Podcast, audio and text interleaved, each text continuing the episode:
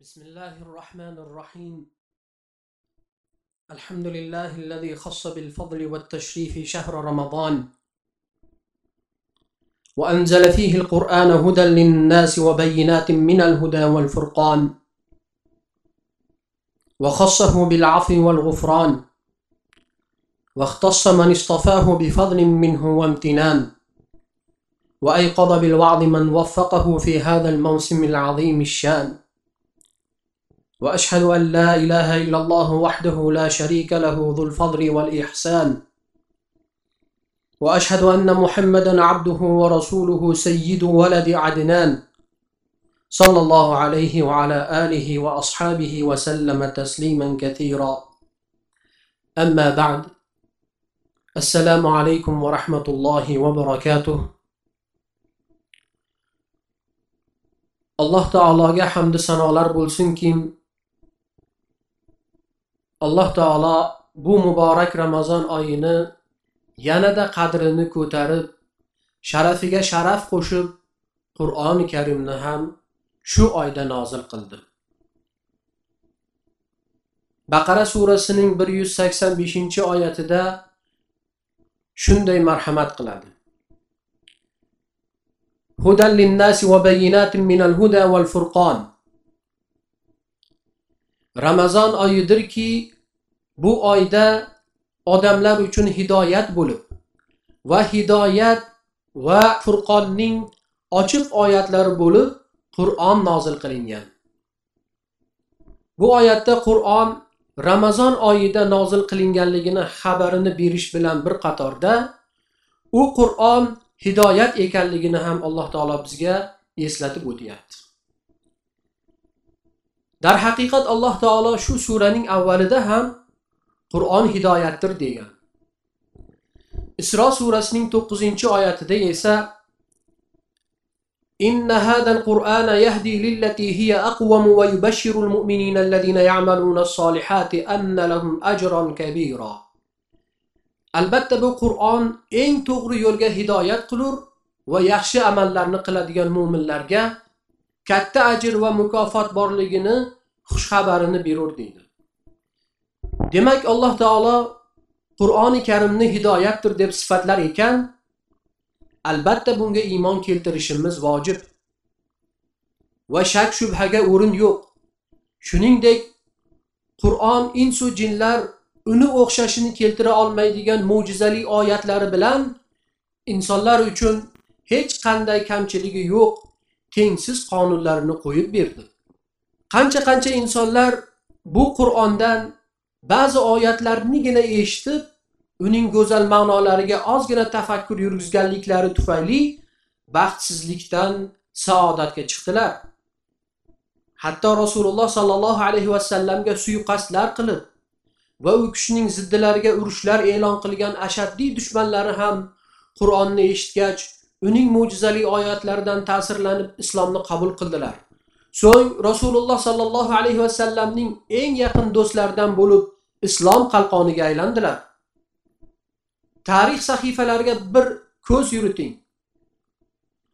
Rasululloh sollallohu alayhi vasallamni yurtlaridan quvib chiqargan o'z qavmlari qalblari qur'on nuri bilan munavvar bo'lib qur'onni hidoyat ekanligini bilib haqni tushungandan keyin butun olamga islom dinini tarqatishda peshvo bo'lmadilarmi? Ha bunga tarix shohiddir. Shu borada rabboniy imom va islom peshvolaridan biri fuzayl ibn iyozning qur'on eshitib tavba qilganliklari qissasi yodimizga tushadi. Bu inson avvalda yo'l to'sar qaroqchilardan bo'lib yo'lovchilarga ko'p aziyatlar berar edi. Kunlardan bir kuni u oshiq bo'lgan yorini ishqida u yorining devoriga osilib turganda qulog'iga birovning mana bu oyatni tilovat qilayotgani eshitiladi.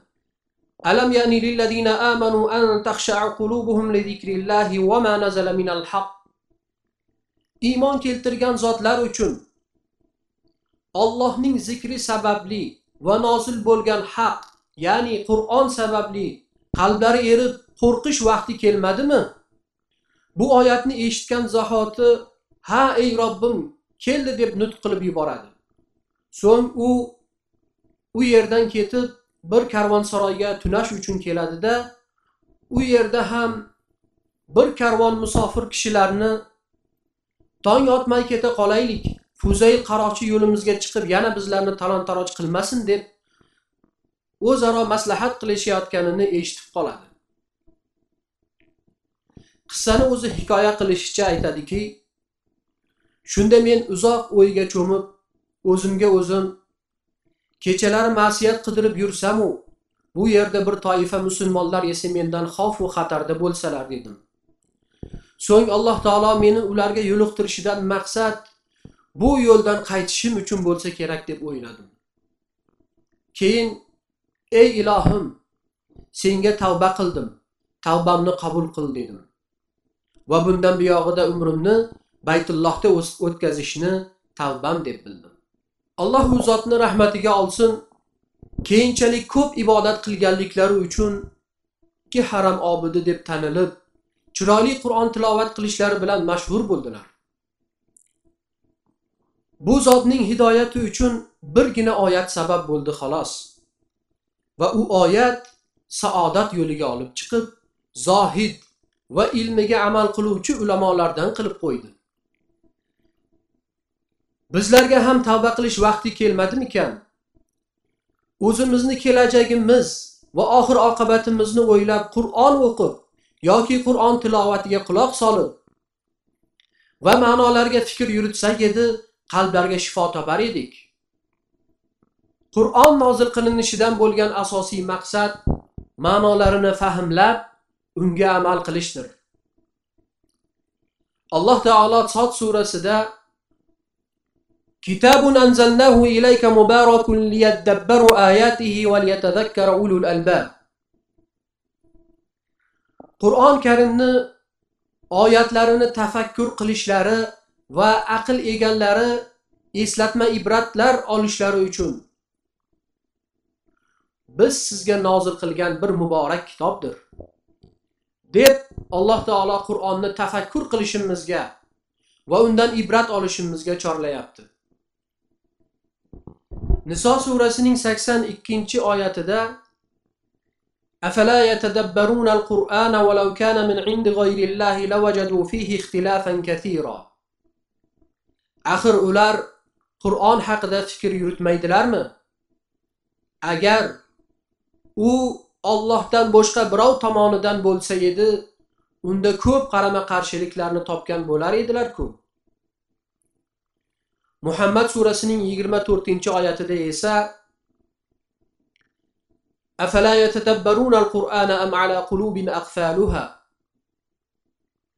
axir ular qur'on haqida fikr yuritmaydilarmi balki dillarida qulflari bordir deydi chunki qur'on tafakkur bilan o'qilsa yoki tilovatiga quloq solinsa iymon ziyoda bo'ladi. Shuning uchun ham rasululloh sollallohu alayhi vasallam odamlarning eng taqvodori edilar. Chunki u zot qur'onni ko'p tafakkur bilan o'qir edilar. Xususan har ramazon oyida jabroil alayhissalom bilan birga qur'onni o'qib dars qilishar edi. Rasululloh sollallohu alayhi vasallam hayotlarining oxiridagi ramazon oyida jabroil alayhissalom bilan birga qur'onni ikki marotaba o'qib dars qilishgan.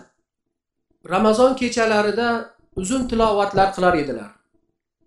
Sahobalardan biri huzayfa roziyallohu anhu bir kecha rasululloh sollallohu alayhi vasallam bilan birga namoz o'qiganlarida rasululloh sollallohu alayhi vasallam baqara niso va oli imron suralarini o'qigan ekanlar. Va har bir vaid ya'ni do'zax va azob haqidagi oyatlarga yetib kelsalar to'xtab alloh taolodan panoh so'rar. Rahmat oyatlariga kelganda ollohdan rahmat tilar ekanlar.